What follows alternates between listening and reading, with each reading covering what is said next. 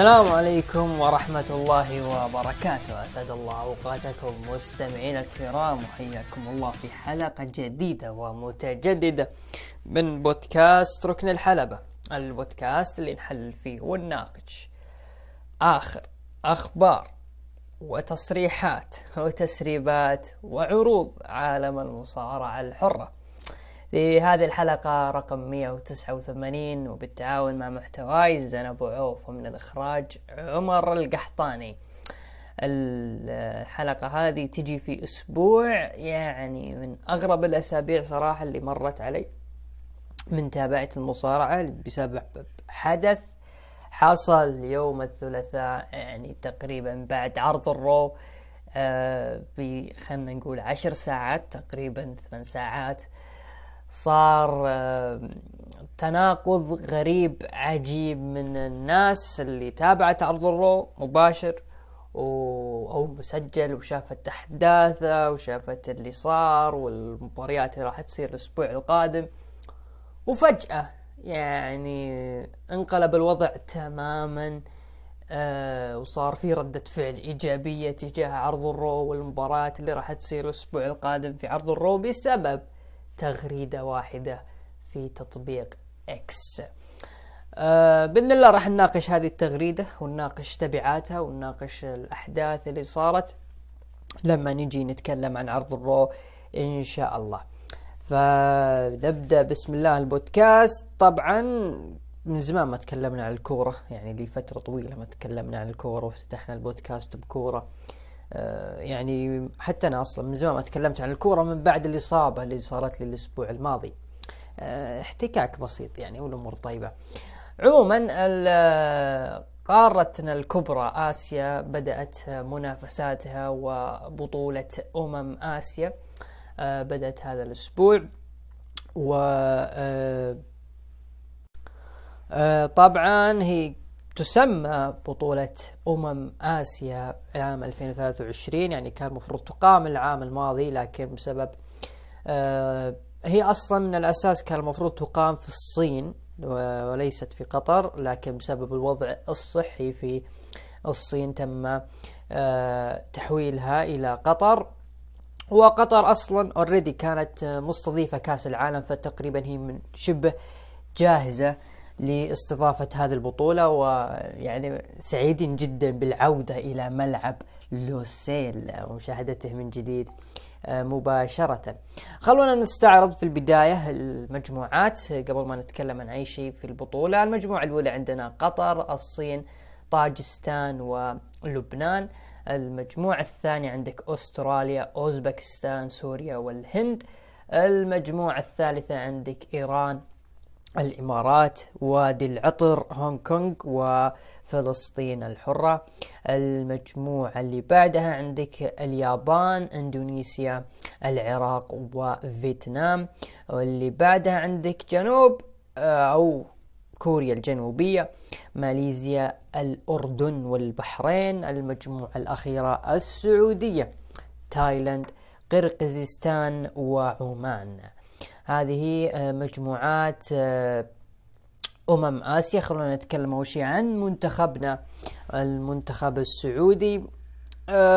بداية المنتخب مجموعته على الورق سهلة تقريبا. يعني أصعب منتخب ممكن يكون عمان. هو دائما يكون من المنتخبات الصعبة لما نواجهها. وكذلك ممكن نشوف تايلاند ممكن تسوي مفاجأة وشوي تسبب لنا مشكلة. أه لكن منتخبنا آخر الوديات ما يطمن أه المستوى متذبذب قليلا. آخر المباريات تنتهي بتعادل وصفر صفر برضو. آه إلى الآن ما في أي حماس ما في أي ترقب بالنسبة لمانشيني والعمل اللي راح يقدمه في البطولة هذه. وفي تخوف آه أصلا من البداية لما شفنا التشكيلة النهائية وشفنا يعني عدم استدعاء سلطان غناوي رغم إنه في الفترة الحالية يقدم مستويات رائعة. لكن مع ذلك لم يستدعيه مانشيني آه خوف صراحة خوف من المنتخب إنه ما يروح بعيد. يعني تقريبا الدور اللي بعده يعني نتكلم عن دور ال 16 هو الممكن يعني يكون هو الدور اللي ممكن نصل إليه. حتى الآن ما بدت البطولة ما بدت مباراتنا آه، في كأس آسيا علشان ناخذ الانطباع لكن لما تيجي تشوف آه، الناس اللي تابعت الوديات آه، أو حتى تشوف إحصائيات المنتخب تقريبا الوضع ما أبغى أقول كارثي لكنه ما يطمن صراحة إنه المنتخب يروح لبعيد. ناهيك إنه في رقم مرعب صراحة شفته أنا قبل أمس تقريبا. يقول إنه من أعلى المدربين آه، استلام الراتب في بطولة ام آسيا من المدربين هو مانشيني ب 28 مليون دولار يعني بفارق تتحدث عن 14 ضعف عن أقرب منافسيه اللي هو كليزمان مدرب كوريا الجنوبية. وإذا كان يعني هذا المبلغ وما راح يقدم مستوى يعني مطمئن مستوى المطلوب. أحس انه رقم صراحة صعب وخسارة كبرى راح تصير في البطولة. نتمنى إن شاء الله إن نقدم المستوى الرائع المستوى اللي يليق بالمنتخب السعودي احد كبار وأهم منتخبات آسيا تاريخيا. آه، بإذن الله نوصل لبعيد بإذن الله نطلع بتشكيلة مميزة نطلع بأسلوب لعب رائع. خصوصا إنه هذا الجيل يعتبر هو آخر جيل اللي قبله جيل سالم الدوسري والجيل اللي قبل آه، اللي يعني لعبوا معه. وكذلك آه، الجيل القادم أيضا هذا بدايته مثل نواف العقيد راح يكون متواجد في البطولة. فنتمنى إن شاء الله التوفيق لصقور الخضر. توقعاتي يعني وترشيحي للبطل النسخة هذه أنا مفاجئ راح يكون لكن أنا أرشح كوريا الجنوبية. أعتقد كوريا الجنوبية من أكثر المنتخبات الجاهزية للبطولة هذه والظفر فيها بالإضافة إلى منتخب اليابان. آه ناس ترشح اليابان ناس ترشح كوريا الجنوبية لكن أنا أشوف أن كوريا الجنوبية هي أكثر منتخب جاهز آه أنه يحصل على البطولة خصوصا أنه يعني في عدد من اللاعبين في منتخب كوريا آه يعني جالسين يقدمون مستويات آه حلوة في أنديتهم بغض النظر عن سن لكن مهاجم ولفرهامبتون يخوف صراحة. آه، الناس اسمه أعتقد اسمه وانك شيء زي كذا. آه، مقدم شغل حلو في ولفرهامبتون فبالتوفيق لمنتخبات آسيا وبالأخص منتخبات العربية مثل قطر ولبنان سوريا خلينا نمر عليهم يلا. الإمارات والفلسطين والعراق والأردن والبحرين والسعودية وعمان.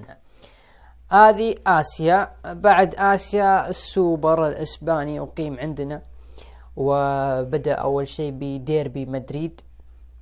آه انتهى بفوز ريال مدريد خمسة ثلاثة وتأهل إلى النهائي. صراحة مباراة كانت رائعة جميلة. كان أتلتيكو تقريبا هو المسيطر آه في معظم المباراة لكن ريال مدريد تفوق في آه تشكيلته وتفوق أيضا في الاحتياط اللي عنده.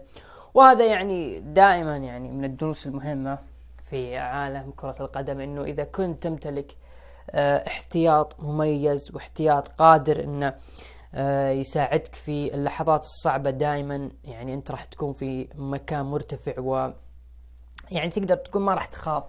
ضد أي خصم. وهذه صارت كثير يعني شفناها مثلا في يوفنتوس لما كان مسيطر على الدوري الإيطالي آه، وكان أيضا يتاهل مراكز مبتعدة في دوري أبطال أوروبا. كان يعني جزء كبير من آه الاحتياط وكذلك التشكيلة الأساسية. فإذا غاب لاعب تقريبا ما يكون يعني متخوف آه يوفنتوس لأنه عنده احتياط قادر أنه يشيله طوال المباراة.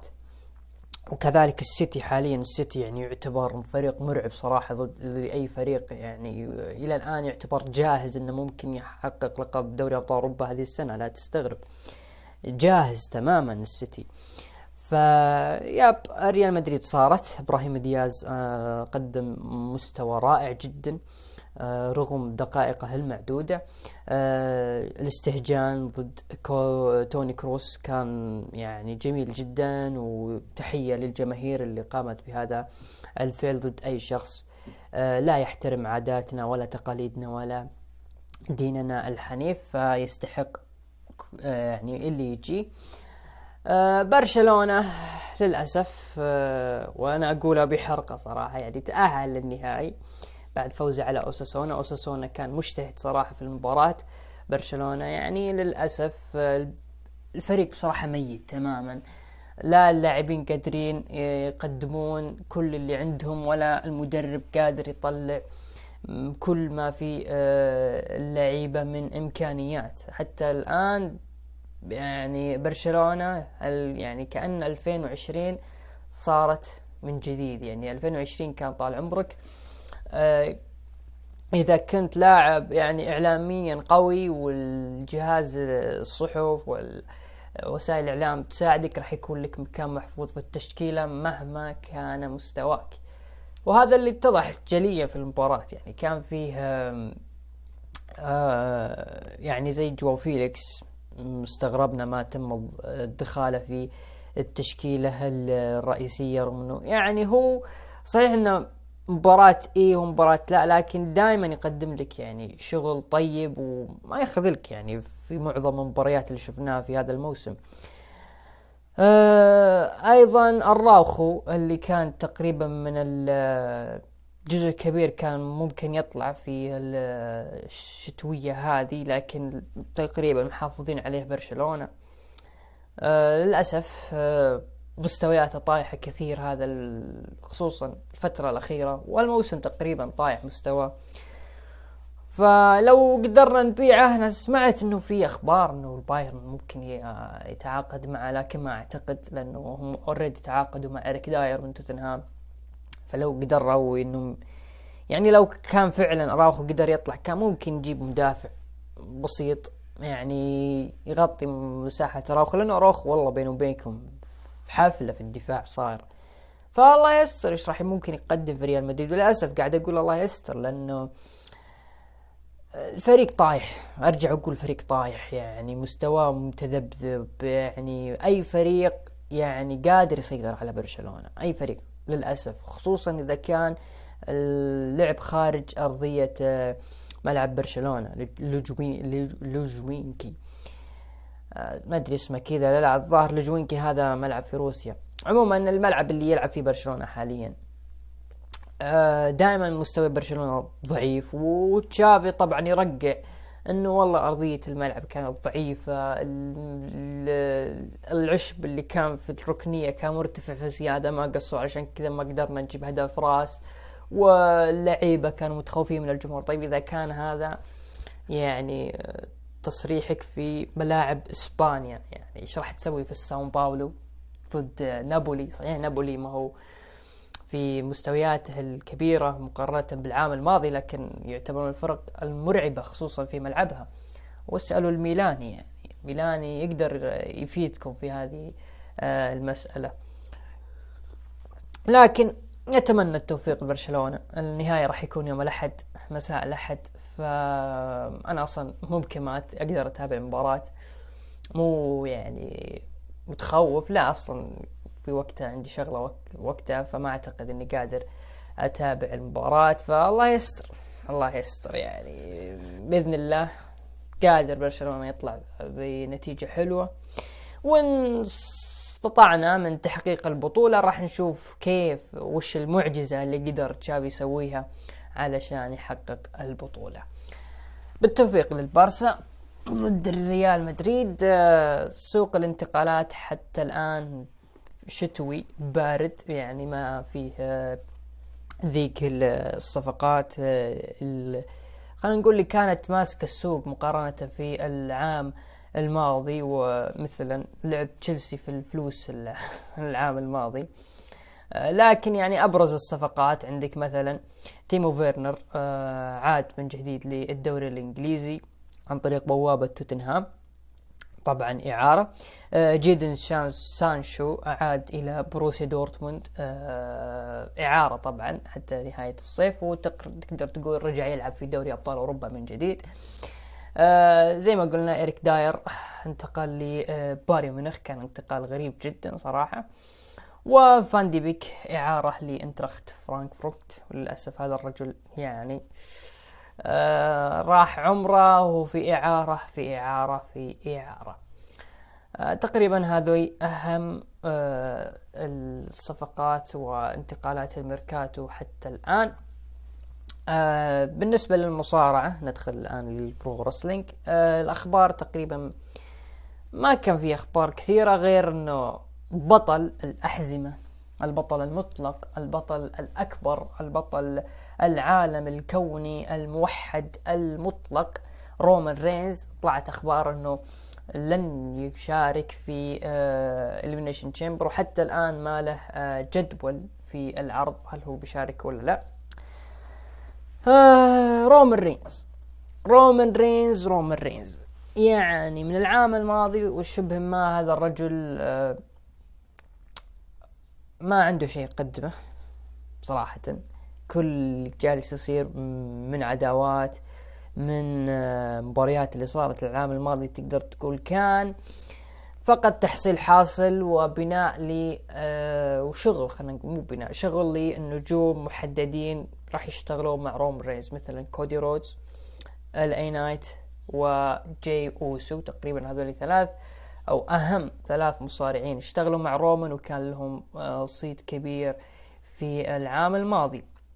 وتقريبا رومان رينز هو وقع already في عام 2022 عقد part timer. بعد ما فاز على بروك ليسنر وحقق آه وحد لقب العالم مع لقب الكون. والآن عندك ذا روك داخل على الخط عندك كودي داخل على الخط أيضا. ف تقريبا خلاص رومان رينز هذه آخر فترة له في آه كبطل عالم وان استمر وصارت المعجزة وكمل بعد الرسلمانيا ومع هالألقاب أعتقد خلاص يعني رومان من يقدر يوقفه رومان كيف تقدر تسحب منه الألقاب؟ ما في خلاص طريق مسدود.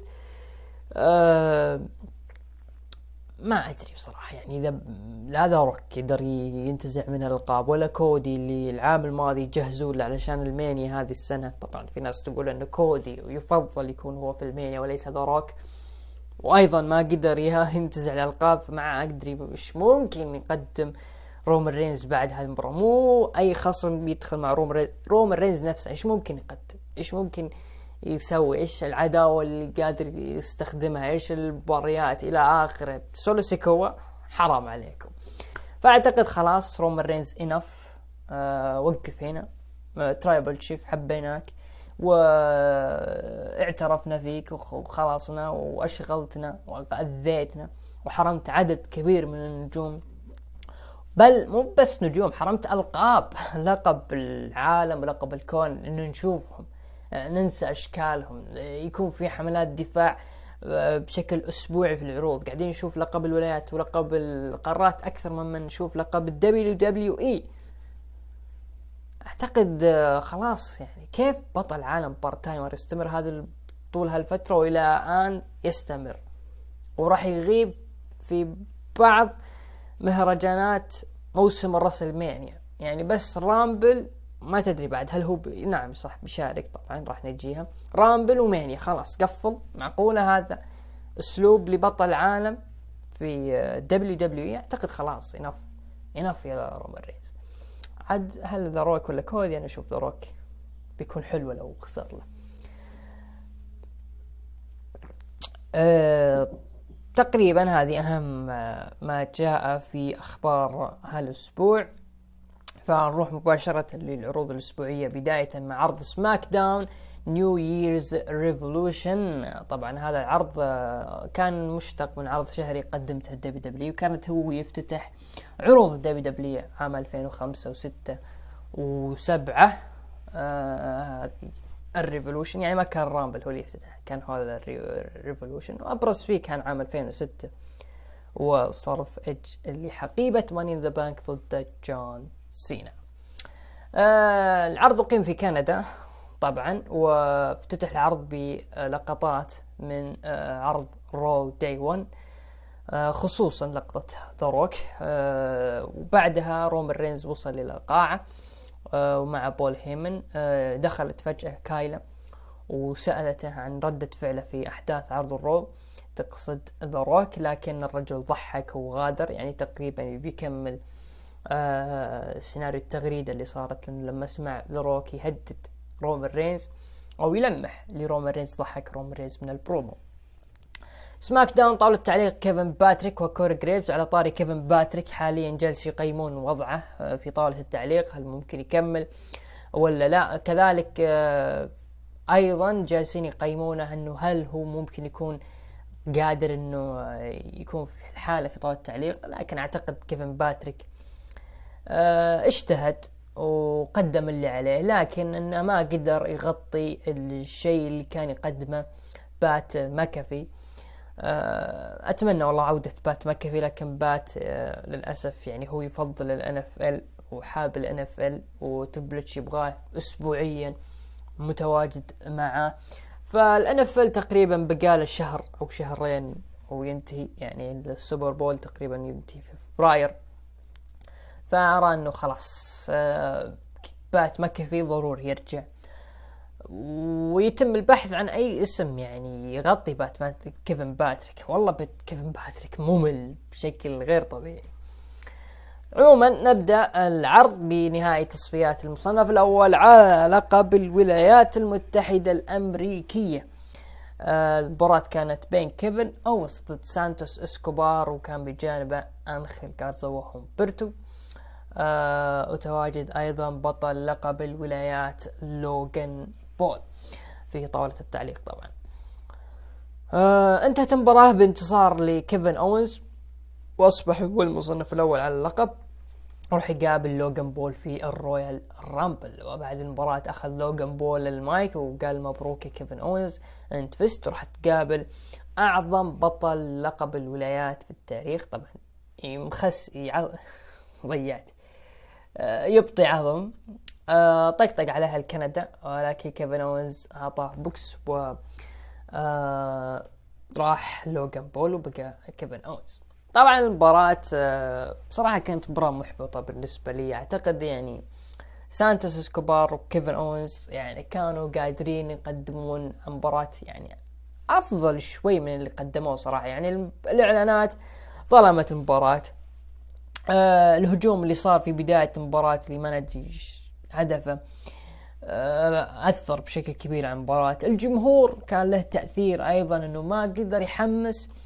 يعني كيفن أوينز ابن كندا والعرض في كندا. يعني المفروض الجمهور يحمسون كيفن أوينز خصوصا أنه كيفن أوينز نجم مو بسهل في كندا. ليش كان التفاعل ضعيف؟ يعني كان المفروض تكون مباراة يعني دام إنه كيفن اونز في الافتتاح والعرض في كندا وضد سانتوس إسكوبار. يعني نجم قادر يشيل مع كيفن اونز مباراة ويقدمونها بشكل حلو. بالنهاية طلعت بالشكل اللي شفناه وفاز كيفن اونز في المباراة وكأنه عادي و بس اللهم إنه كيفن اونز مثل ما كان العام الماضي مصنف أول على لقب العالم. هذا السنة راح يكون مصنف لقب الولايات وممكن يكمل. لوغان بول على لقب الع... لقب الولايات. كذا ما استفدنا من آه، تواجد لوغان بول. يعني أنا كنت متوقع إنه لوغان كان ممكن يقدم فترة. يعني هو مشكلته إنه هو part-timer وجدوله مزدحم ملاكمة بودكاست آه، عروض من هنا آه، تصوير من هنا. أثر بشكل كبير على سمعة لقب الولايات. صار في SmackDown عندك بطل لين part-timer هذه ما عمرها صارت في ال WWE. ف والآن تكملها بكيفن اونز وتقدم له هذا السيناريو اللي شبه ما بارد مثل براد هالجو.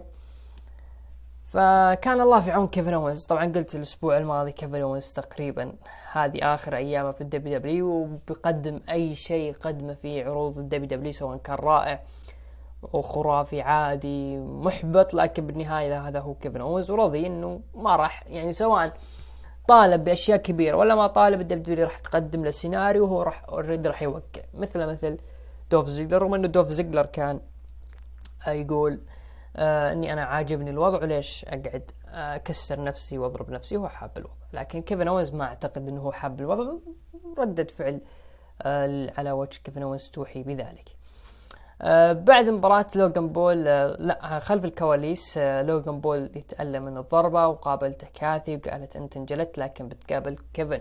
طبعا ظهروا له جريسون وولر وأوستن ثيري وما عجبهم تصرف كيفن ضد لوجن لكن ظهر كاميرون غرايمز يضحك وإنه مبسوط إنه انجلد من كيفن لكن عصب وولر وصار هجوم بينهم لكن الاداريين فرقوهم.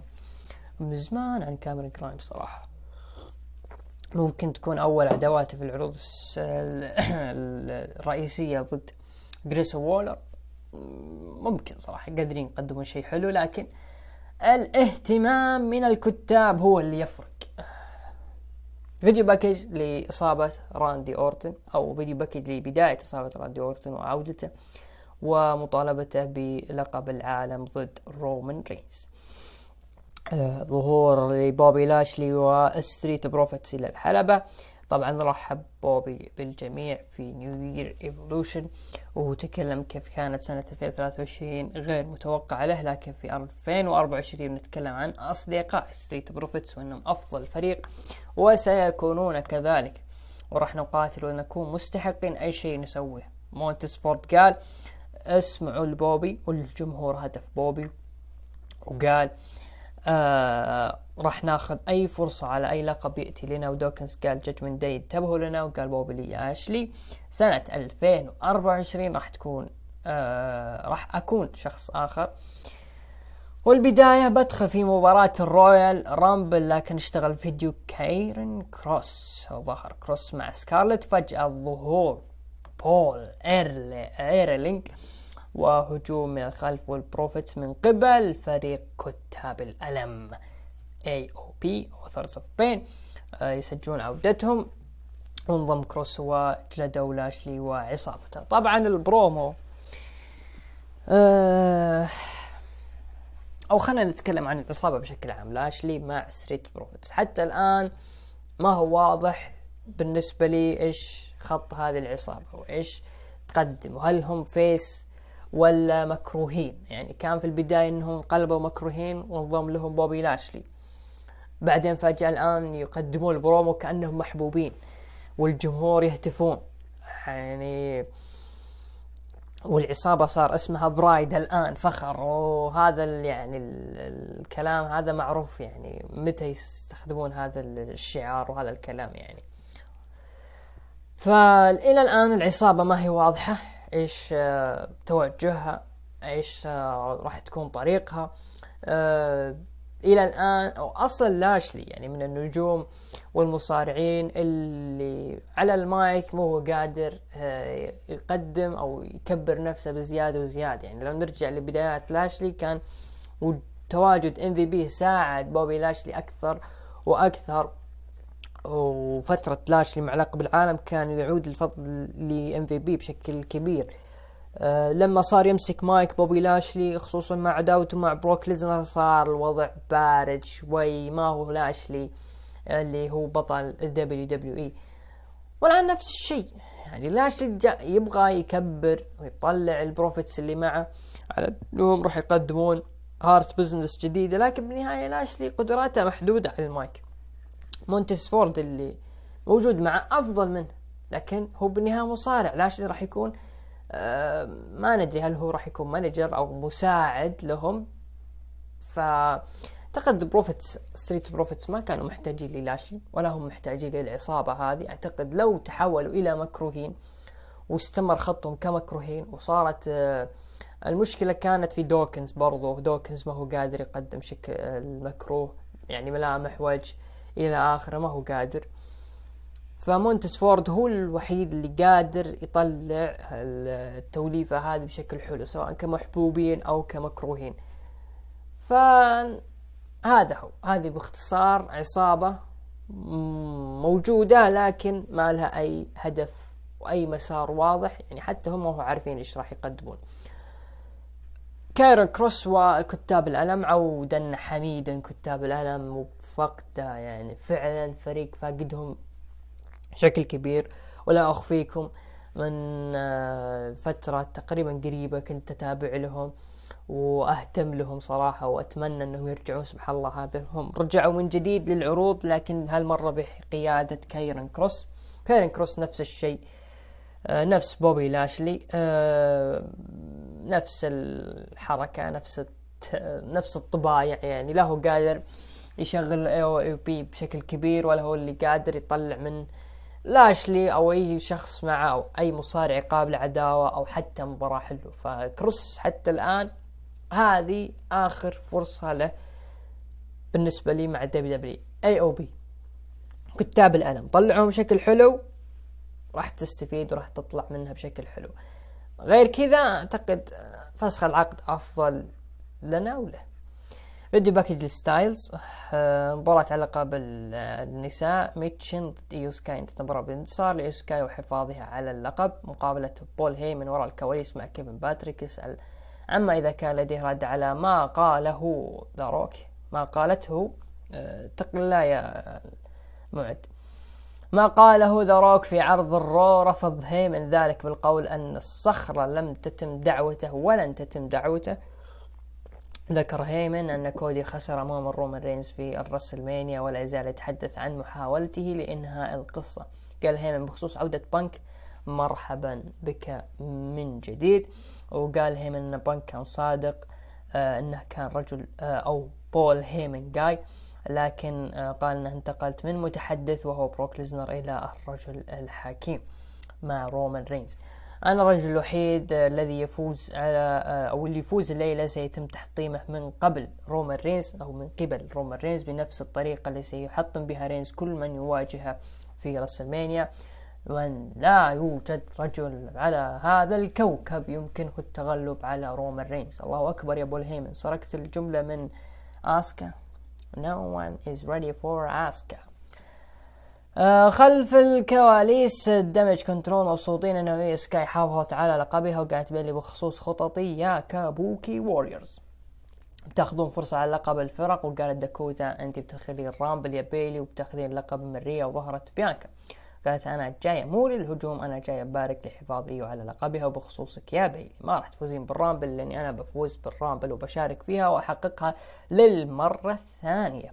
وفي الرسلمانيا بأخذ اللقب منك يا إيو سكاي وقالت داكوتا لازم تتصرفين مع بيانكا يا بيلي. طبعا الأسبوع القادم راح يلعبون ضد بعض. Pretty Deadly ضد بوتش وخصم مجهول طالع تايلر بيت وانتهت المباراة. بانتصار بوتش وتايلر بيت. ما أدري إيش القادم لي. آه ال Brawling Brutes يعني شيمس مختفي. آه ريج هولاند موجود في NXT وريج هولاند تقريبا له سيناريو إنه راح ينضم للجالوس فبدال ما إنه بوتش يكون فاضي جابوا له تايلر بيت يعني حلوة صراحة الثنائية اللي ممكن يقدمونها. لكن شرط انه بوتش يتغير اسمه لبيت أنا أعتقد خلاص كافي. بوتش إلى متى؟ يا تربل اتش بيت أفضل. بروزرويت برضو أفضل يعني أحس إنه ما أدري رأيكم أعزائي المستمعين. video package ال اي نايت وكيف إنه يطالب فرصة على لقب العالم الموحد. قال خلف الكواليس ظهر الشانتي مع نيك ألدس وقال أبحث عن فرصة قال نيك عندي لك أفكار. طبعا الأسبوع القادم بيانكا بيلر ضد بيلي كاميرون جرايمز ضد جريسون وولر. خواكين واد وكروز ديل تورو راح يواجهون انخيل جارزا وهمبرتو كاريو. الحدث الرئيسي مباراة ثلاثية الفائز ياخذ فرصة على لقب العالم الموحد المطلق الخرافي. راندي أورتن ضد ال اي نايت ضد اي جي ستايلز أثناء المباراة ال اي نايت سحب الحكم وحرم راندي من العد ودقت موسيقى رومان رينز مع جيمي وسولو سيكوا والحكيم بول هيمن ودخل الحلبة وهاجم المصارعين الثلاثة وسط نظرات من نيك ألدس وما هو عاجبه الوضع. سحب بول هيمن وقال بارك لزعيمك رومان رينز وقل له إنك إنه دخل في مباراة رباعية على لقب العالم الموحد. وغادر وسط نظرات خوف من بول هيمن ورومان رينز ما يدري مبسوط إنه جلد المصارعين وانتهى العرض بمشاهدات بلغت مليونين. وأربعمية وخمسة وستين ألف مشاهد. طيب آه المباراة آه يعني لو تجي تلاحظ عزيزي المستمع في الخصوم راندي أورتن ال اي نايت اي جي ستايلز تحديدا اي جي ستايلز وراندي أورتن هم آخر أشخاص متبقين لم يسبق أن واجهوا رومان رينز في مباراة فردية. هم آخر من تبقى من خصوم رومان رينز اللي رومان رينز ما فاز عليهم. راندي أورتن عنده قصة آه، ممكن كان المفروض يستغلونها إنه راندي أورتن تعرض لإصابة اللي غيبته عام أو شبه عام آه، بسبب رومان رينز. اي جي ستايلز لم يسبق أن أخذ فرصة ضد رومان رينز ويعتبر اي جي ستايلز رصيده مع رومان رينز هزيمتين. يعني في مباراة ثالثة كان المفروض تكون فاصلة وممكن يفوز فيها اي جي ستايلز وممكن تكون ثلاث خسائر لاي جي ستايلز ال اي نايت سبق وهاجم آه، وفاز آه، لعب ضد رومان رينز عندنا في آه، الرياض. صحيح إنه خسر لكن كان روعة وجوهرة ال اي نايت إنه كان أحد خصوم رومان رينز. لكن وجودهم في مباراة رباعية كأن الدبليو دبليو ضربت عصف عصفورين بحجر واحد. يعني بدال ما نخلي راندي أورتن يلعب ضد رومان رينز وينبطح له ثم يلعب ضد اي جي ستايلز وينبطح له ثم نبدأ نشتغل على آه رومان رينز ضد ذا روك أو رومان رينز ضد كودي. خلوها في مباراة واحدة ويجلدهم رومان رينز لكن بدل ما يكون راندي أورتن واي جي ستايلز وينومهم ضد بعض زي اللي صار مع براين وايج خلينا نحط ال اي نايت موجود في الصورة. كاضافه حلوة خفيفة بحيث إنه هو اللي راح يتثبت في الرامبل ولا يتثبت أورتن ولا ستايلز وتخف قيمتهم. هذا أعتقد الشيء اللي فكروا فيه الدبليو دبليو لما حطوا القرار إنه مباراة رباعية. صحيح إنه هذه راح تضر ال اي نايت كثير. ال اي نايت غريب يعني للأسف ممكن الفترة القادمة ما يقدم آه، مثل اللي كان يقدمه في الفترة الماضية أو تحديدا العام الماضي والشغل العظيم اللي قدمه في عرض سماك داون تحديدا. وهذا يعني يدلك على أنه يعني هذه تضحية من الدبليو دبليو علشان خاطر ذا روك وكودي رودز ف هل تشوفون أنه لو كانت مباراة فردية آه مثلا لو يفوز راندي أو اي جي وواجه رومان كان راح تكون أفضل أعتقد كانت حلوة بتكون. يعني ممكن لو راندي هو اللي فاز في المباراة ثم نواجه آه رومان آه، حاول كودي إنه ممكن يساعد أورتن لكن في نفس الوقت هو يبغى راندي آه يبغى رومان يفوز آه، في المباراة عشان ينهي القصة. ثم يجي راندي يحاول إنه يا كودي أنت راح تكون منهي القصة وراح أساعدك في المباراة لكن بالنهاية راندي ينقلب على كودي وتبدأ عداوة ال Legacy اللي كانوا يجهزون لها العام الماضي لكن بسبب إصابة راندي أورتن. واصلا برضو قبلها كان إصابة كودي أيضا أخرت هذه العداوة. فأعتقد هذا كان المفروض يمشون عليه. أعتقد كان هذا الخط اللي كان راح يساعد الطرفين راندي أورتن ويساعد كودي رودز. لكن ما صار.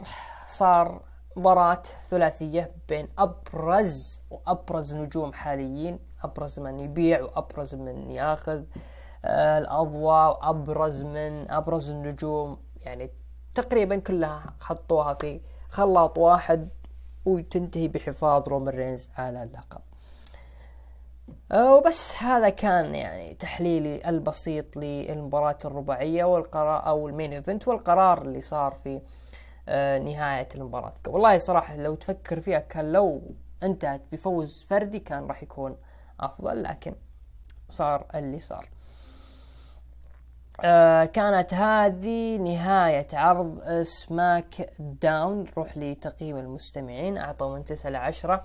وأقل من خمسة اثنين وعشرين في المية وأقل أو من خمسة إلى ثمانية أعطوه آه خمسة وستين في المية. كان هذا عرض SmackDown New Year's Revolution. نروح لعرض الرو اللي أقيم في بورتلاند آه آخر آه دقيقة بس.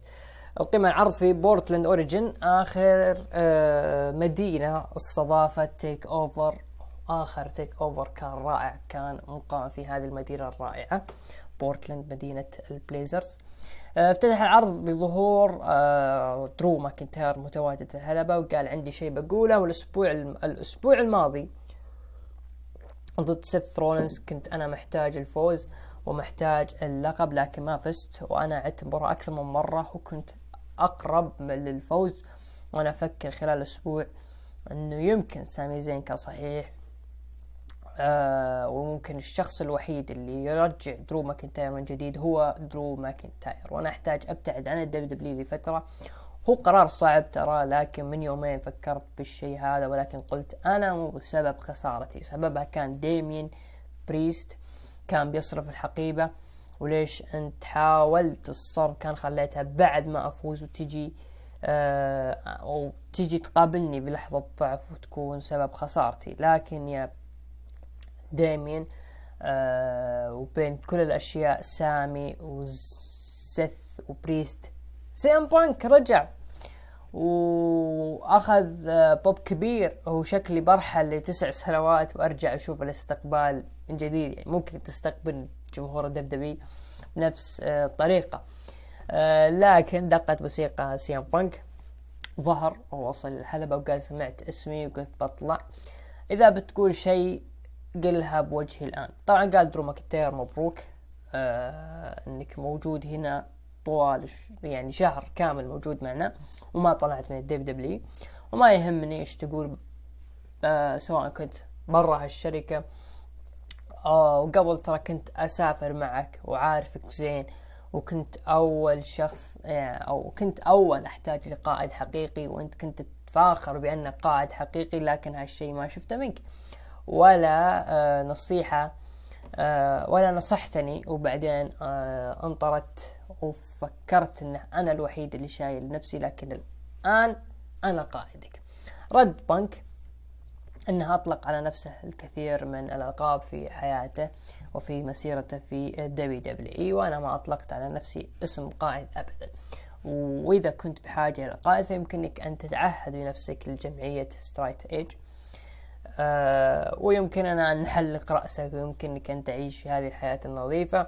وأنا رجعت من جديد هنا أقوى وأسرع وأريد الفوز بالرويال رامبل. وسيث رولينز وأنتم أنت وسيث رولينز زعلانين من هذا الشيء. آه رد درو ماكنتاير أن الفوز في الرويال رامبل والحدث الرئيسي وهو شيء لم يفعله بانك أبدا. أنا كذلك بدخل الرامبل وأنت موجود فيها راح أقصيك وأكون بطل الرامبل وأروح للمانيا وأحقق لقب العالم. بانك قال الوضع هنا spicy وشيء واحد يقدر يوقفني من تحقيق أهدافي و...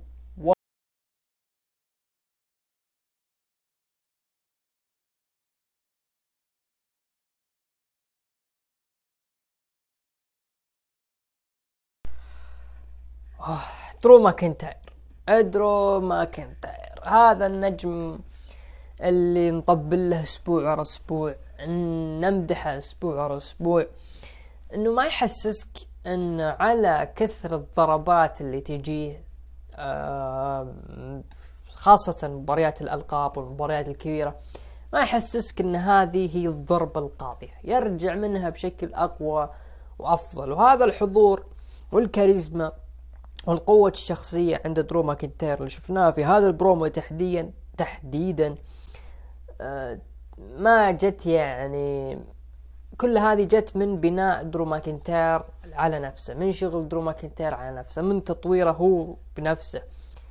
فعلا هذا الشغل اللي قدمه درو ماكنتير بعد رحيله من ال WWE رغم إنه هو أصلا لما غادر ال WWE عاد استقبلوه الجماهير استقبال آه، طيب وال WWE عاملته فكان هو يبغى إنه يكون في قصة على حسب آه، يعني مثل ما صار ترند عودة سي إم بانك لل WWE أتمنى إن يكون لي عودة تكون مثلها وأقوى. آه، درو ماكنتاير فعلا شخصيته وحضوره كان بناء بنفسه وليس بناء إعلامي والجمهور والتعزيز. أنا عندي حلم أنا بكمل سيرة أبوي وجندر مهل ياخذ فرصة لا لا لا هو من نفسه. يقدم برومو مع بنك وأنا عارفين بنك في البروموهات يعني أكيد من المصارعين اللي ما أحد يقدر عليه. آه إلا سينا طبعا. سينا قادر ينهي بنك في ثلاث دقائق و فعلا عاد قيمة درو عادت آه يعني صار بينهم تحدي. صار بينهم تحدي في ال Rumble. وترقب رغم إنه صحيح إنه انحرق تقريبا المشاركين في ال Rumble وهذا الشيء للأسف استخدمته WWE في السنوات الماضية لكن مترقبين إيش راح يكون في إيش راح يقدم درو وسي إم بانك في المباراة إيش راح يكون التحدي. آه غالبا الاثنين راح يكون في طريقة في ال booking واتمناها آه تصير في ال Rumble. إنه بانك عنده حاجتين. يظهر برقم واحد وطريقة آه أو في التوقيت آه، توقيت اقصائه في ال Rumble 2014 لابد يستغلونه قدر ما قد ما يقدرون يعني. يا أنه يحاول مصارع أو درو ماكنتير مثلا آه ما أتوقع درو ماكنتير ما أتمنى درو بيكون آخر أربعة. مصارع مهم يحاول يقصي بانك. في الدقيقة اللي اقصاها كان لبانك ولكن بالمقابل بانك يقصي المصارع وليس آه العكس. آه أو آه، دخول بانك يدخل آه، بالدقيقة اللي خرج منها. يعني الدقيقة اللي كانت آخر ظهور لبانك في عروض WWE هي نفسها دخول بانك في ال Rumble. فحلو صراحة إنه يستغلون هذه آه، الشغلتين. يعني إنه يكون بانك رقم واحد آه، أو إنه بانك آه، يدخل في الرقم اللي تم اقصاءه ويستقبل درو ماكنتاير ويبدأ الطحن. اللي بينهم. ما أتمنى يصير مثل اللي صار العام الماضي يكون بانك هو رقم 30 يكون شبه ما محروق مثل اللي صار مع كودي. لا لا ما أتمنى ذلك. لكن برومو رائع برومو جميل جدا. ودرو ماكنتاير تحية لك. تحية لك من القلب من العاصمة الرياض. آه فين بالر بجانب ديمين بريست ضد توماسو تشامبا. آه أو فين بالر ضد توماسو تشامبا طبعا فين بجانب ديمين بريست وتشامبا مع جوني قرقانو انتهت المباراة بانتصار لتشامبا بمساعدة جوني آه قرقانو وكأن يعني عاد من الذاكرة بتواجد الأربعة هذول أنهم كانوا أبرز من ماسكين NXT في الفترة المسماة حرب ليلة الأربعاء. تحديدا بالر وتشامبا وقرقانو يعني أنا ما أدري ليه قشعرت وأنا أشوف الأربعة حول الحلبة. وللأسف ما هم متعاملين معهم مثل ما تعامل معهم NXT خلف الكواليس بيكي لينش زعلانة من اللي صار من فوز نايا جاكس عليها وأعلنت دخولها ب Rumble النسائية. لودفيك كايزر كوفي كينغستون انتصر بالعد الخارجي بلا فائز وبعد المباراة هاجم كوفي كايزر. لكن كايزر قلبها على كوفي آه وجلده جلد حتى وصل الإداريين وأبعدوهم. أعتقد أن راح تكون عداوة بين ال Imperium و ال New آه، Day بعد ما يرجع آه، جوفاني. ما أدري إيش صار على إصابته. آه لكن كذلك ما ندري إيش صار على ال gamer إكسيفير وودز هل هو جاهز يرجع للحلبات ولا لا؟ مثل غانثر متحمسين للاسبوع القادم. قبل الكواليس كايزر صرح إن هذا خطأ كوفي وليس خطأي وهو تسبب بإصابة جوفاني فينشي وأنا رديت هذا الشيء كشخصية انتقامية لأي شخص في ال Imperium تعرض لمصيبه مايكل كول في الحلبة رحب بنايا جاكس اللي بتدخل مباراة ال Rumble النسائية ومرشحة للفوز. آه طبعا دخلت نايا جاكس وقالت إنها بتدخل Rumble وتقصي 29 امرأة. سواء كانت ريا ريبلي أو إيو سكاي لا يوجد رجل أو امرأة يمكن إيقافها. ما شاء الله. ولا رجل. نسينا راندي اورتون يا نايا جاكس. آه دقت موسيقى بطلة النساء. ريا ريبلي آه وقالت ريا ريبلي أنت تتكلمين كأنك فايزة بال Rumble الأسبوع الماضي. أنا ألقيتك من الحلبة وصحيح فزتي على بيكي لكن بيكي ليست ريا ريبلي. وإذا فزتي في مباراة أنا أحذرك من ذكر اسمي. قالت نيا أو نايا آه أنت تقولين أنك الأفضل. أنا جلدتك أول ما رجعت وأنت تخافين من مواجهتي في الرامبل بعد ما أجلد 29 امرأة ذلتنا. راح أختارك ما راح يكون عندك عذر لمواجهتي. أراك لاحقا يا البطلة. طبعا برومو. تافه. يعني جاكس ما أعتقد أن هي راح تفوز بالرامبل. ممكن.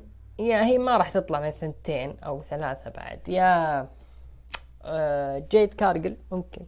تظهر في مباراة وتفوز مع إني صعبة شوي. بيلي. في اسم ثالث داخل على خط لي لكن ما أعتقد AJ Lee أه تفوز. لكن هي جيد كارجل بيلي ممكن ساشا بانكس أيضا آه راح يكون لهم تواجد وحظ أوفر في مباراة الرامبل النسائية. طيب نجي للجد. video package لعودة ذا روك وظهور جندر مهال والجلد اللي صار الأسبوع الماضي.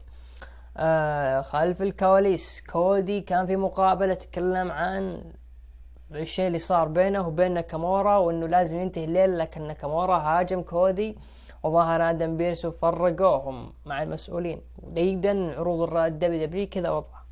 يصير مهاوشة آه ويجي المدير ويفرقهم ما شاء الله. يبي لهم جماعة نظام المدرسة في عروض الدبليو دبليو دام كذا وضع قصصهم. مباراة على ألقاب الفرق النسائية تشيلسي جرين وبايبر نيفن ضد البطلات كاتانا تشانس وكيدن كارتر. انتهت المباراة بانتصار لتشانس وكارتر وحفاظهم على ألقاب الفرق. خطوة إيجابية أنا أشوف لأنه حتى الآن لو تلاحظون ألبا فاير وآيلا داون إلى الآن مختفيات ما لهم أي حس ما لهم أي صوت غريب صراحة اختفائهم.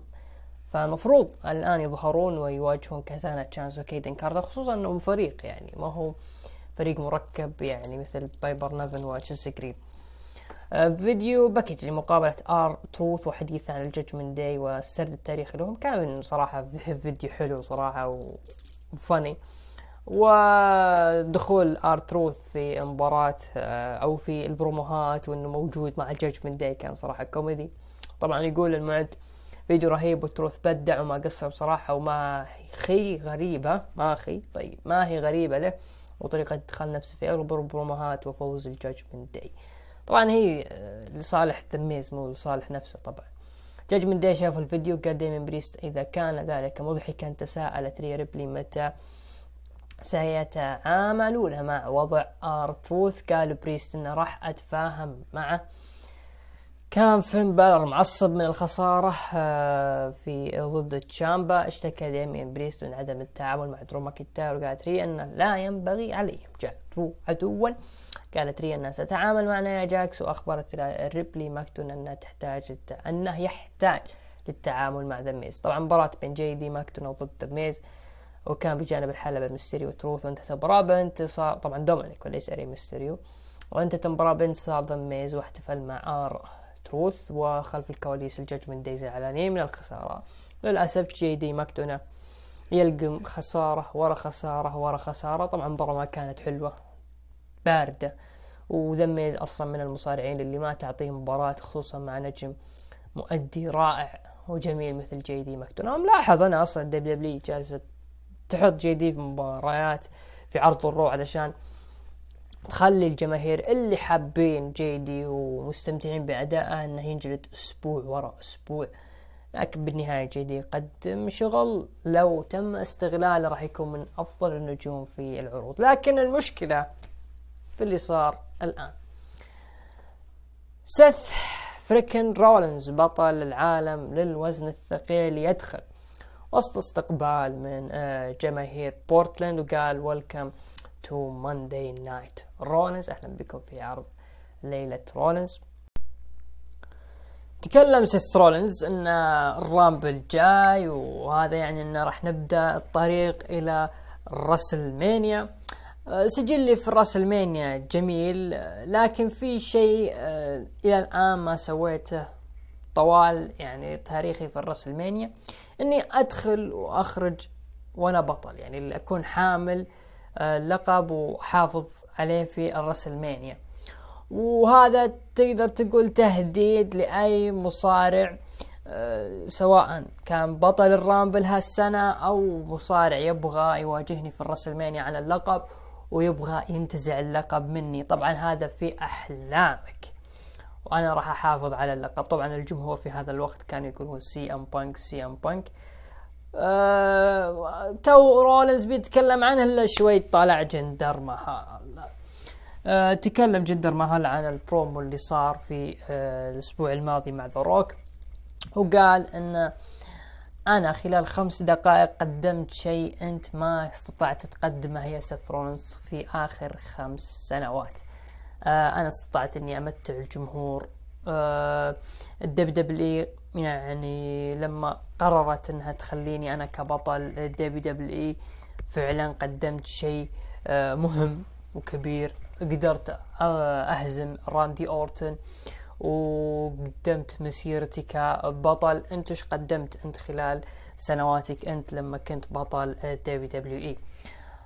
طبعا سيث رولينز رد عليه انه آه تكلم عن البروبو اللي صار آه مع ذا روك. وقال دام أنت موجود وجالس تهاجمني وأنت جالس تقف أمام وجهي اجلدني اضربني يلا خلنا نشوف إيش عندك. طبعا جندر مهل ما ما سوى له شيء. فسيث رولينز قال جندر مهل اللي أعرفه نفسه ما تغير. الجندر مهل اللي كان ال jobber وأنا كنت بطل دبليو دبليو ونفس جندر مهل اللي اشوفه حاليا يعني. وكان سيث رولينز يبي يطلع لكن جندر مهل هاجم عليه. رولينز أعطاه super kick. وهو جندر مهل بدل لا يسوي selling زلق. وجاء سيث رولينز بيسوي عليه stomp لكن آه، جندر مهل طلع. آه أنا ما راح أتكلم عن البرومو. هل هو كان برومو رائع ولا برومو جميل؟ آه نبغى نتكلم عن تبعات هذا البرومو. دبليو دبليو أعلنت انه الأسبوع القادم سيث رولينز راح يدافع لقبه ضد جندر مهل طيب سؤال. سؤال للدبليو دبليو وإلى أصحاب القرار هذا.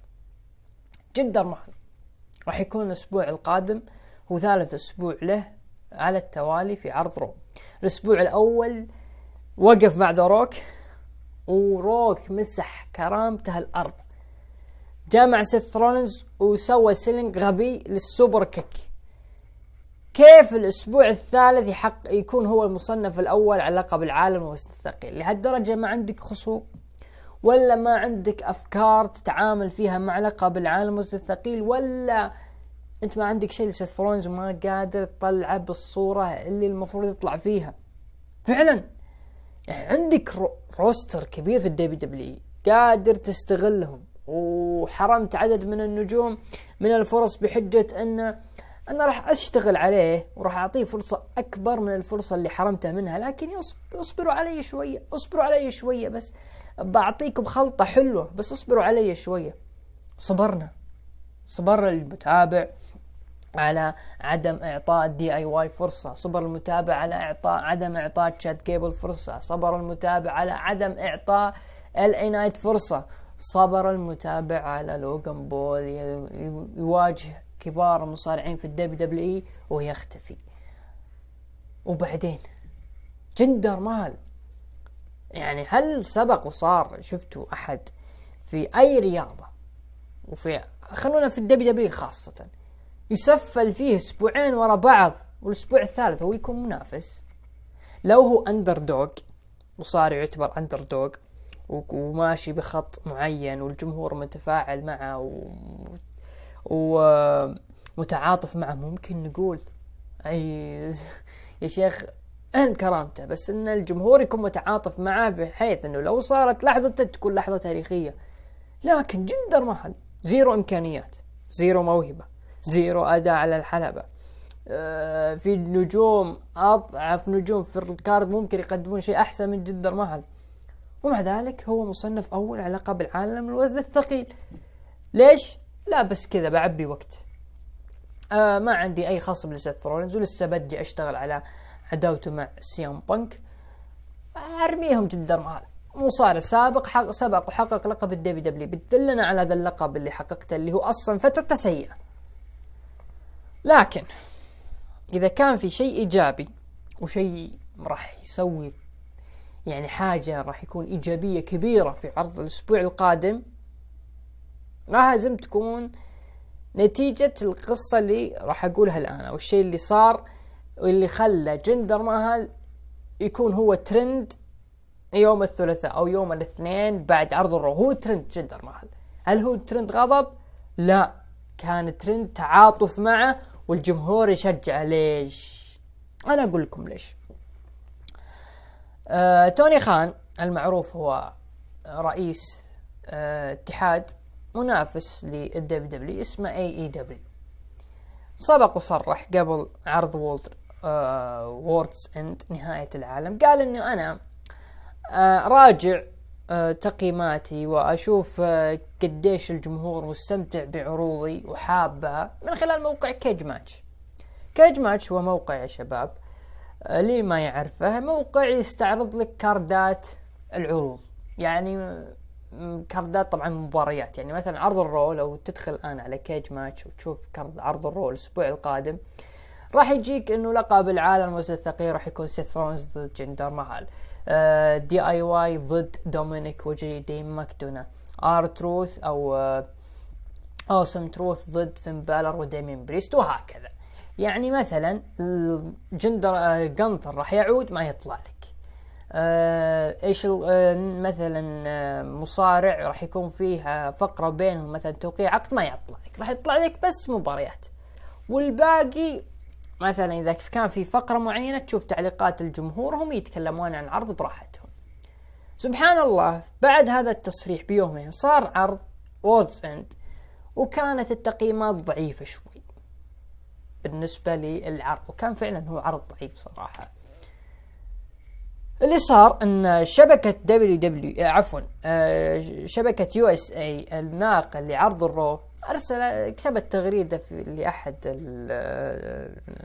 الحسابات قالت وش رأيكم في موقع آه، Cagematch؟ وش أعطانا تقييم؟ طبعا هنا جاك توني خان تكلم أنه في ازدواجية في آه، المتابعين تجاه انتقادهم لعروض AEW وإنه في لحظات تصير في ال WWE مثل إنه جندر مهل هو مصنف على لقب ال WWE ومع ذلك الجمهور ما ينتقدها. ينتقد فقط اي اي دبليو وعروض اي اي دبليو والاشياء اللي تصير AEW أنا للأمانة هنا وقفت معه. صراحة أنا هنا وقفت.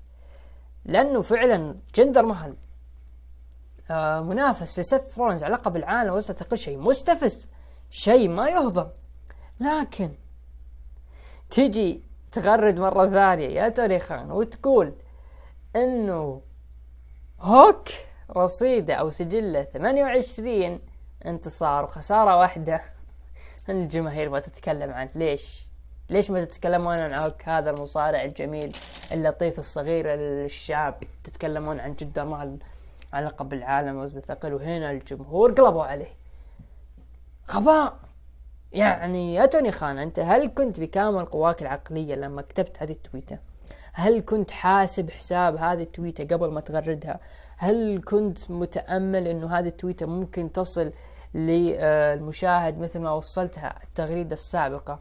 يعني مثلا لو تكلمت عن فترة MJF باللقب ليش ما تتكلمون عنها وتمدحونها؟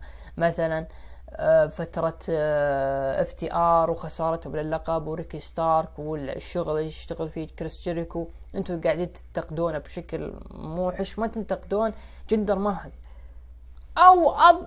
يا رجل. كريستيان جالس يقدم شغل كبير في عروضك ويشيلها بنفسه. شيء صار في عرض Worlds End لما أخذ عقد آه، لوتشا سورس وهو صرف رغم إنه ما يحق له. واستعاد لقبه. وكان في غضب شوي من الجمهور كيف كريستيان قدر يعني آه، ياخذ هذا العقد.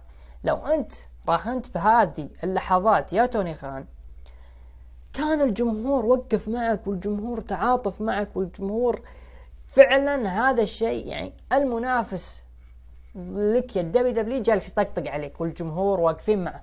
هوك! هوك اللي ما يصارع إلا في Rampage من اللي يتابع Rampage؟ من اللي يهتم ل Rampage؟ عرض ميت.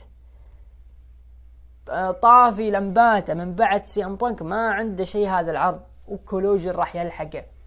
أنت جالس تعطي آه Rampage و Collision ساعات إضافية للمصارعين اللي أنت ما تهتم فيهم. لذلك الجمهور ما يهتم في عروضهم. فمن يهتم بهوك؟ هوك ما نشوفه في داينامايت.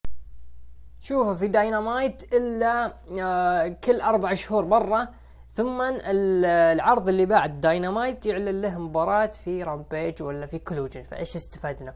بعدين تعالوا ترى آه هوك للأمانة ترى ما سوى إلا حاجتين في مسيرته في AEW ال debut حقه وال tombstone لما قام منها أو ال piledriver في العرض اللي بعده. بس هذا اللي قدمك هوك في مسيرته مع AEW لذلك هو مباراة رمتها ال WW كذا.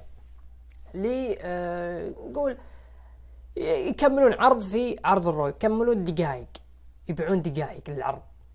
وروجها توني خان بشكل يروجها لولد عمه اللي هو جندر مهل. لذلك إذا كان في WW تبغى تشتغل المباراة هذه بحاجة إيجابية ومتقنة يصرف ديمين بريست الحقيبة في المباراة. تخيل معي عزيزي المستمع.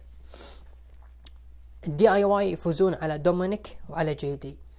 آه ديمين بريست وفين بالر يخسرون للارد تروث أو أوسم تروث.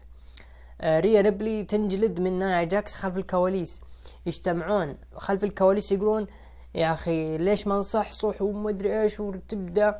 آه، مهاوشة بين آه، ريا ريبلي وفين بالر والجميع كذا الوقت وضع متوتر. وديمين بريست يناظر في الحقيبة. يروح يصرفها وبتكون لحظة حلوة. صدقوني لو صارت واتقنت بشكل ممتاز أنت هنا يا تريبل اتش سطرت توني خان كف وعلمت الأدب لثالث مرة. بعد كودي رودز لما ضرب آه، أو هدم العرش حق تريبل اتش وبالأخير عاد لل WW سي ام بانك وكلامه انه انتهى بعد 2005 ورجع في الأخير لبيته ال WWE الآن هذه الضربة المباراة اللي أنا حطيتها وأنت شغلتها لي أقدمها بشكل رائع والجمهور راح يتابعها وبيتحمس لها. وهذا الدرس لك يا خان استفد من غضب الجمهور أو أعطي شخص آخر إدارة عروض الاتحاد حقك علشان تطلع منها بشكل ممتاز ويطلع اتحادك بشكل حلو لأن بعد خمس سنوات أنت أكيد راح تشوف إن أنت دفعت مبالغ كبيرة ولا زالت الناس تطقطق عليك. ولا زالت الناس تطقطق على ال WWE لكن مع ذلك تتابع WWE أما إذا ما صار آه، صرف حقيبة دامين بريست واستمرت المباراة عادي فأنا هذا بالنسبة لي يعطيني انطباع آه، مو بحلو صراحة لوضع الدب دبليو في أسبوع أو في موسم الرسلمانيا. يعني كأنه نفس الأسبوع أو نفس موسم الرسلمانيا آخر سنتين.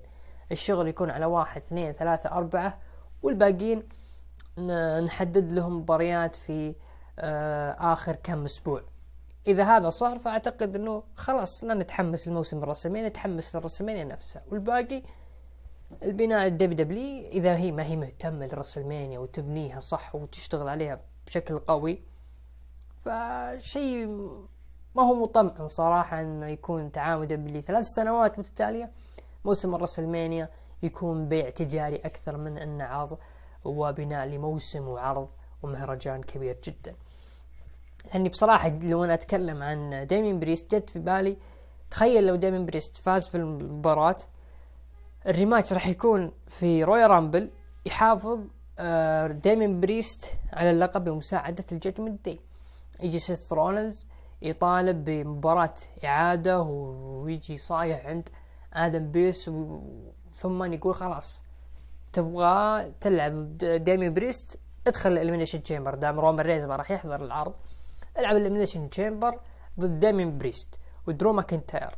وشينسكي ناكامورا و اصبر سيث رولنز ديمين بريست شينسكي ناكامورا درو ماكنتاير سيث رولنز آه لا سامي زين والخامس والسادس يكون جندر محل يضيفونه معه والله بتكون توليفة حلوة مباراة حلوة. صدقوني يقصى آه، درو ما آه، جندر محل أول واحد.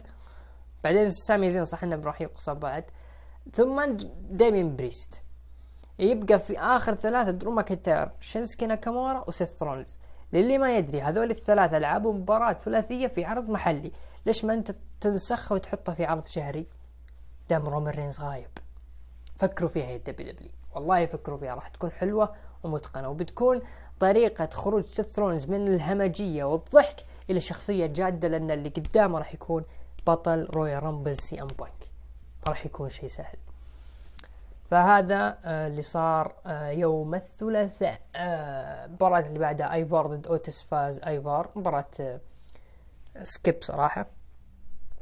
آه بعدها آه أعلن عن آه ال card الأسبوع القادم. آه، مباراة على لقب الوزن الثقيل تكلمنا عنها. بالور بريست ضد Awesome Truth طبعا ما راح تكون على الألقاب لكن غالبا Awesome Truth راح يفوزون وياخذون فرصة على الألقاب الأسبوع اللي بعده. DIY ضد دومينيك و JD جنثر عودته ثم أعلنوا انه مباراة شينسكي ناكامورا كودي رودز راح تكون street fight وبعدها video package للمباراة واللي صارت. كودي رودز ضد شينسكي ناكامورا انتهت المباراة بفوز كودي رودز و نعم فوز انتهت المباراة بفوز كودي رودز. شوف المباراة أنا أشوفها جيدة.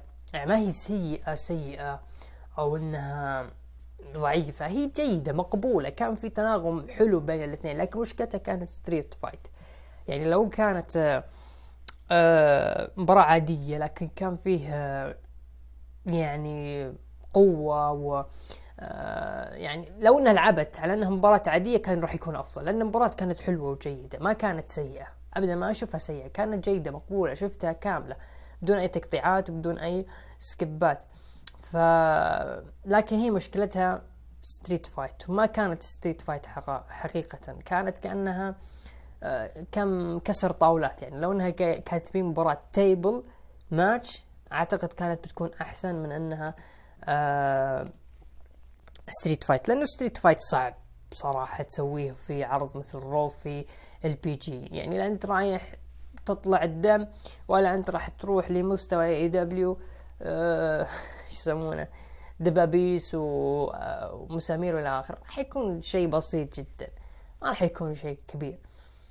فكانت هذه نهاية عرض آه، Raw خسر شينسكي ناكامورا. صحيح انتهت العداوة ما هي لصالح كودي يحاول كودي يستعيد كبرياءه لكن زي ما تفضلت شينسكي ناكامورا مثل مثل درو ماكنتاير مهما خسر ما راح يتأثر شيء. عرض أشوفه جيد صراحة ما كان سيء يعني جيد إلى عادي. آه طبعا مشاهدات العرض بلغت آه مشاهدات العرض بلغت مليون وأربعمية وأربعة وستين ألف مشاهد بانخفاض عن الأسبوع الماضي بمقدار ميتين وستة وثمانين ألف آه مشاهد. نروح لتقييم المستمعين. اللي أعطوا Raw من تسعة إلى عشرة سبعة عشر في المية ومن خمسة إلى ثمانية خمسين في المية وأقل من خمسة أعطوه ثلاثة وثلاثين في المية. مثل ما تفضلت عرض ال Raw هذا الأسبوع أعطيه ستة ونص من عشرة عرض جيد إلى عادي. طيب NXT على السريع. آه NXT بدأ بمحارش بين بيلر ديفنبورت ونيكيتا ليونز قبل ما تبدأ مباراتهم طبعا دخلوا الحلبة وصارت مباراة. طبعا انتهت المباراة بفوز بيلير آه، ديفن بورت وما يصح إلا الصحيح يا عبد الرحمن. آه، أبو داحم طبعا من مشجعين نيكيتا ليونز آه، بعدها شفنا video package لدستي أو بطولة دستي رودز للفرق تصفيات شفنا طريقة الجدولة البطولة. آه بعدها صارت مباراة بين آه برون بريكر وبارين كوربن ضد الجالوس. طبعا ضمن منافسات داستي آه رودز للفرق. انتهت المباراة بفوز بارين كوربن وبرون بريكر يتأهلون إلى نصف النهائي.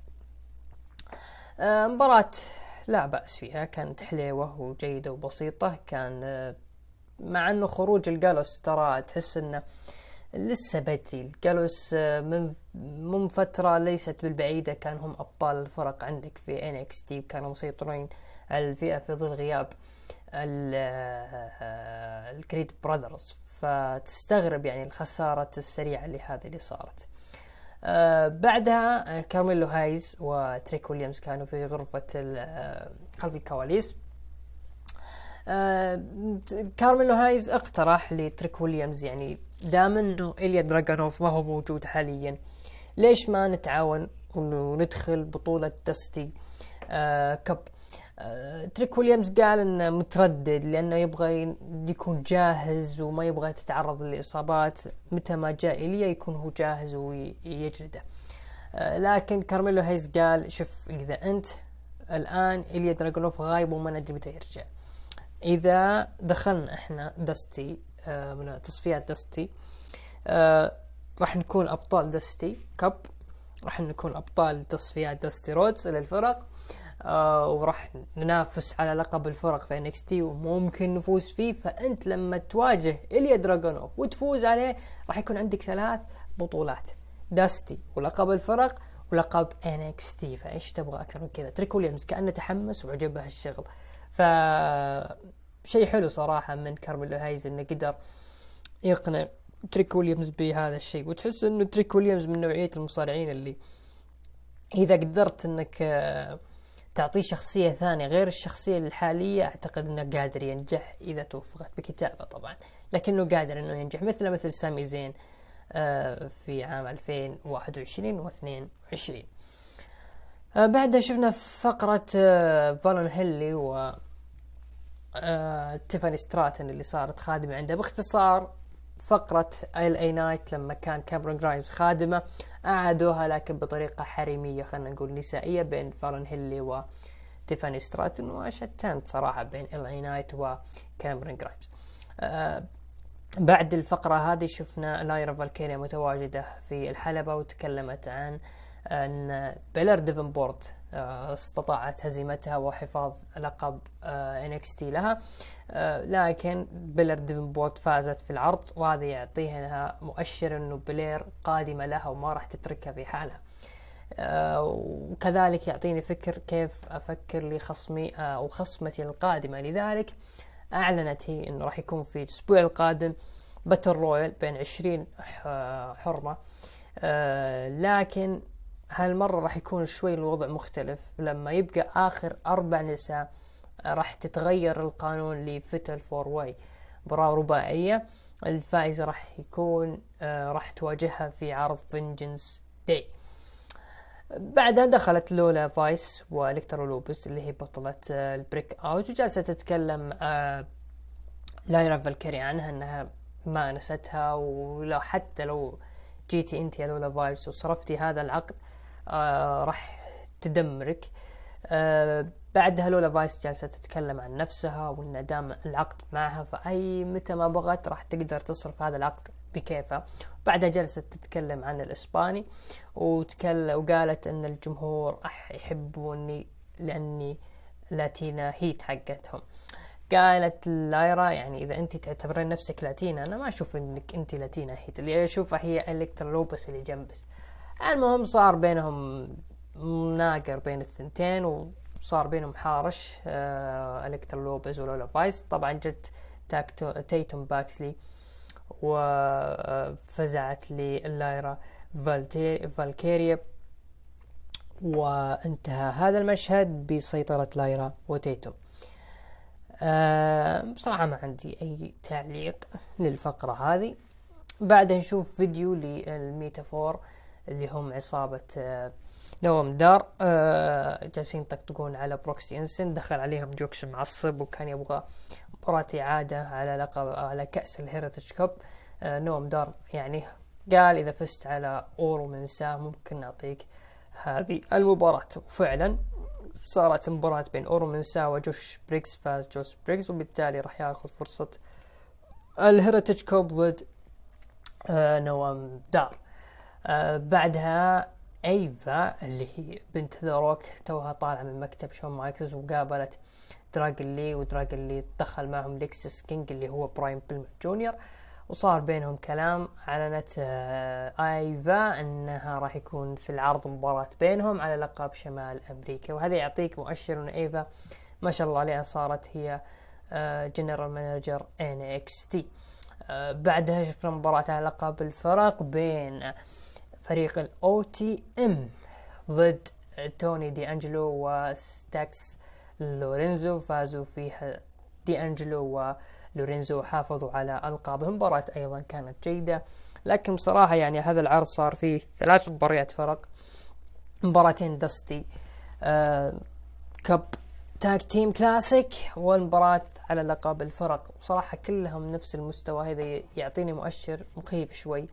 الوضع في فئة الفرق في NXT ما هو مطمئن والفرق شوي ضعيفة فالفترة الحالية ما راح تكون مطمئنة لفئة الفرق في NXT بخلاف ما كان آه، عليه السنوات الماضية خصوصا NXT كان يتفوق على العروض الرئيسية في التعامل مع الفرق كان دائما متفوق NXT كذلك الفرق منوعة. لكن الآن تقريبا ما عندك إلا التشيس يو ال Family اللي هم دي انجلو OTM ماني مقتنع فيهم.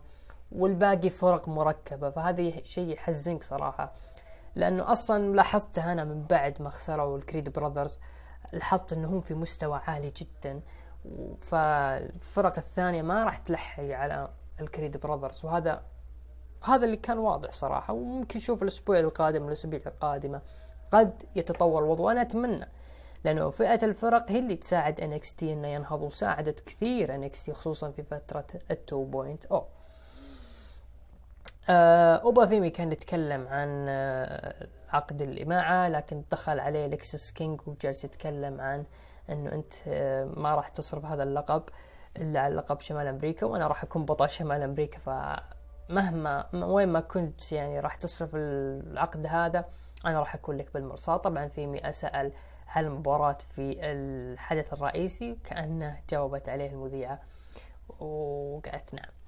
الجالوس كانوا متألمين خلف الكواليس لكن مر من عندهم ريتش هولاند وجو كوفي ناداه وكأنه تلميحة أنه ريتش هولاند انضم لنا. فالله يستر يعني غالبا فعلا البرولينج بروتس تقريبا الفترة الحالية في حالة تفكك دام ريتش هولاند راح ينضم للجالوس وبوتش و تايلر بيت راح يكونون آه، فريق. مباراة كورا جيد ضد جي جي دولان فازت فيها كورا جيد. آه بعدها شفنا مباراة على في ضمن تصفيات آه دستي روز للفرق بين هانك ووكر وتانك ليدجر ضد أكسيوم ونيثن فريزر. فازوا أكسيوم ونيثن فريزر بكل سهولة. راح يواجهون برون بريكر وبرين كوربن في نصف النهائي. استمرار لفقرات تيفان ستراتن وفالون هيلي. آه بعدها نروح لل Main Event على لقب شمال أمريكا بين دراجن لي والكسس كينج. آه انتهت المباراة بفوز دراجن لي وحفاظه على اللقب. صراحة كانت هذه من أفضل اللحظات اللي صارت في العرض. آه استمرار يعني كان في تناغم حلو بين لكسس كينج ودراجن لي. لكسس لكسس كينج أو براين بيلمان جونيور أعتقد وجوده و يعني هدف ال WWE من التوقيع معه هو فقط آه، تتويج وتكريم والده براين بيلمان في قاعة المشاهير هذه السنة. وصراحة والده يستاهل يعني قدم أشياء آه، كثيرة راح نتكلم عنها إن شاء الله لما يتم الإعلان عنه.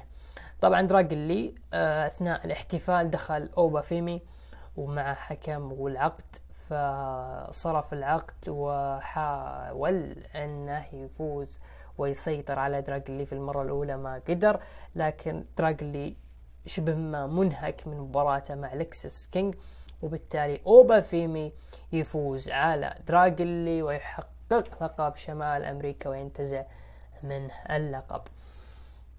آه كنت شوي آه حزين شوي على آه خسارة آه دراجن لي. يعني دراجن لي كان يستاهل آه، فترة أطول شوي مع اللقب خصوصا أنه إحنا قعدنا زي ما تقول آه، فترة طويلة مع اللقب مع آه، المدعو دومينيك ميستيريو وكان مزعج اللقب معه في العروض الرئيسية لا هو باللي يدافع عنه ولا هو باللي قادر يقدم شغل حلو مع اللقب أو حتى قادر يقدم شيء للقب.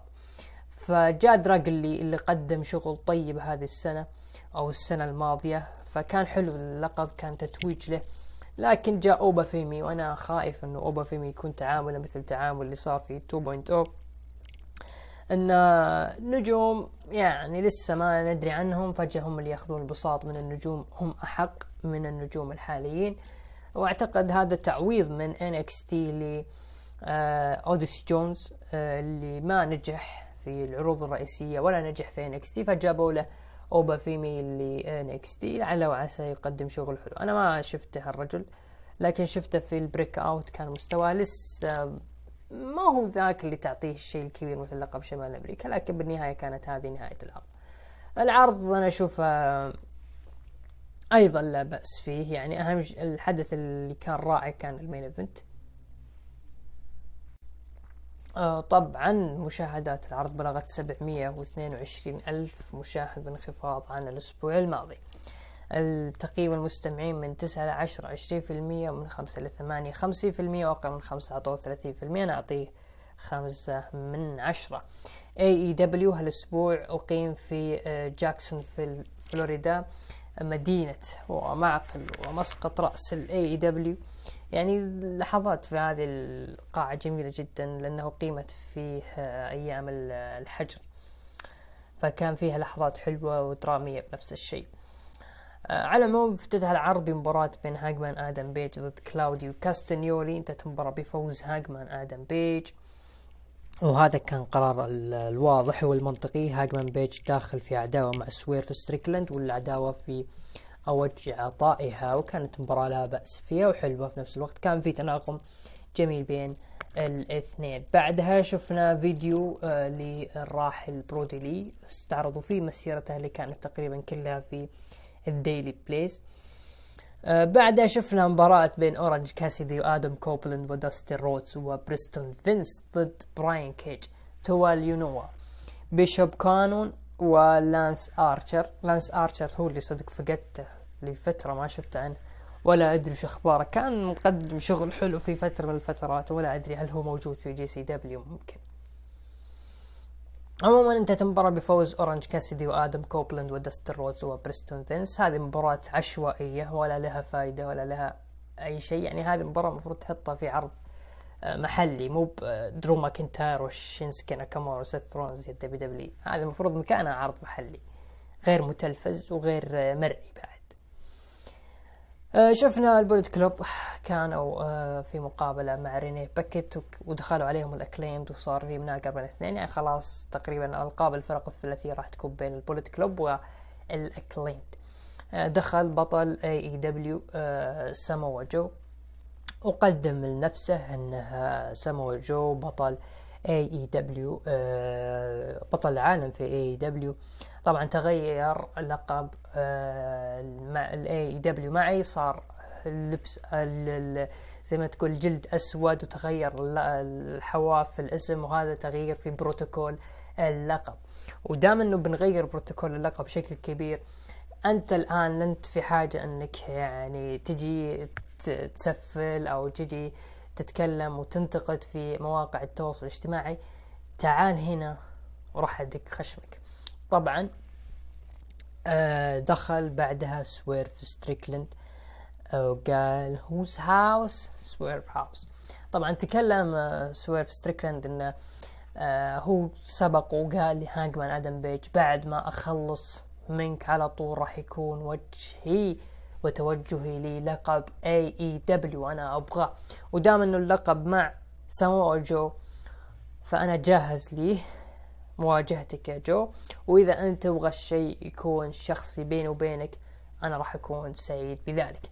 لكن دخل هاجمان آدم بيج وقاطعهم وعلى طول توجه لسمو جو قال إنه عام 2023 كان هو عام آه، فيه مباريات حلوة وفي لحظات حلوة منها إني اجتمعت من جديد مع ال Elite في مباراة Blood and Guts الله لا يعيدها طبعا ومباراة ال arena. و2024 راح يكون عامي عامي أنا يعني راح يكون أفضل عام لي في مسيرتي في AEW وراح يكون هذا العام انتزاعي للقب. ودام إنه في يعني معك اللقب يا سمو جو ترى في شيء ما نسيته لما كنت جلدتني وأنا أعتقد إنه هذا الوقت المناسب اللي أنتقم منك. فجأة آه هاجمان بيج طلع وسويرف ستريكلاند طلع بقى سمو جو حالة في الحلبة ورفع اللقب فجأة تغيرت الشاشة وطلع فيها اسم هوك. هوك اللي يراهن عليه. توني خان إنه هو أفضل من جدا ما دخل وصار بينه face to face مع آه سمو جو. بعدها أعلنوا إنه هوك وسمو جو راح يكون على لقب AEW الأسبوع القادم. البرومو كان جيد آه تغيير واضح في آه سمو جو رغم إنه كان في البداية أسلوبه heel لكن في هذا البرومو كأنه face بعدين heel بعدين يعني كأنه tweener بعدها دخل سويرف ستريكلاند.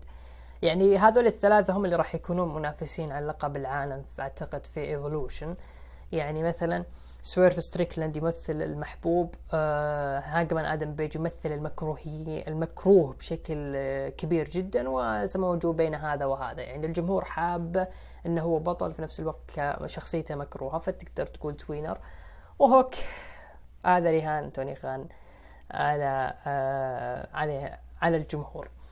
بعدها مباراة بين سامي جيفارا وريكي ستاركس بين يعني أهم أكثر النجوم شباب ومطلوب فرص ل AEW فازوا فيه سامي جيفارا. بعد مباراة سامي جيفارا صافح ريكي ستارك لكن دخل بيج بيل وجلد ريكي ستارك وسامي بيج بيل جلد هو وريكي ستارك سامي جيفارا بعدها دخل كريس جيريكو وفزع لصاحبه. أعلنوا انه راح يكون في مباراة على لقب الفرق في عرض آه تا شو اسمه Belt أو Battle of Belt.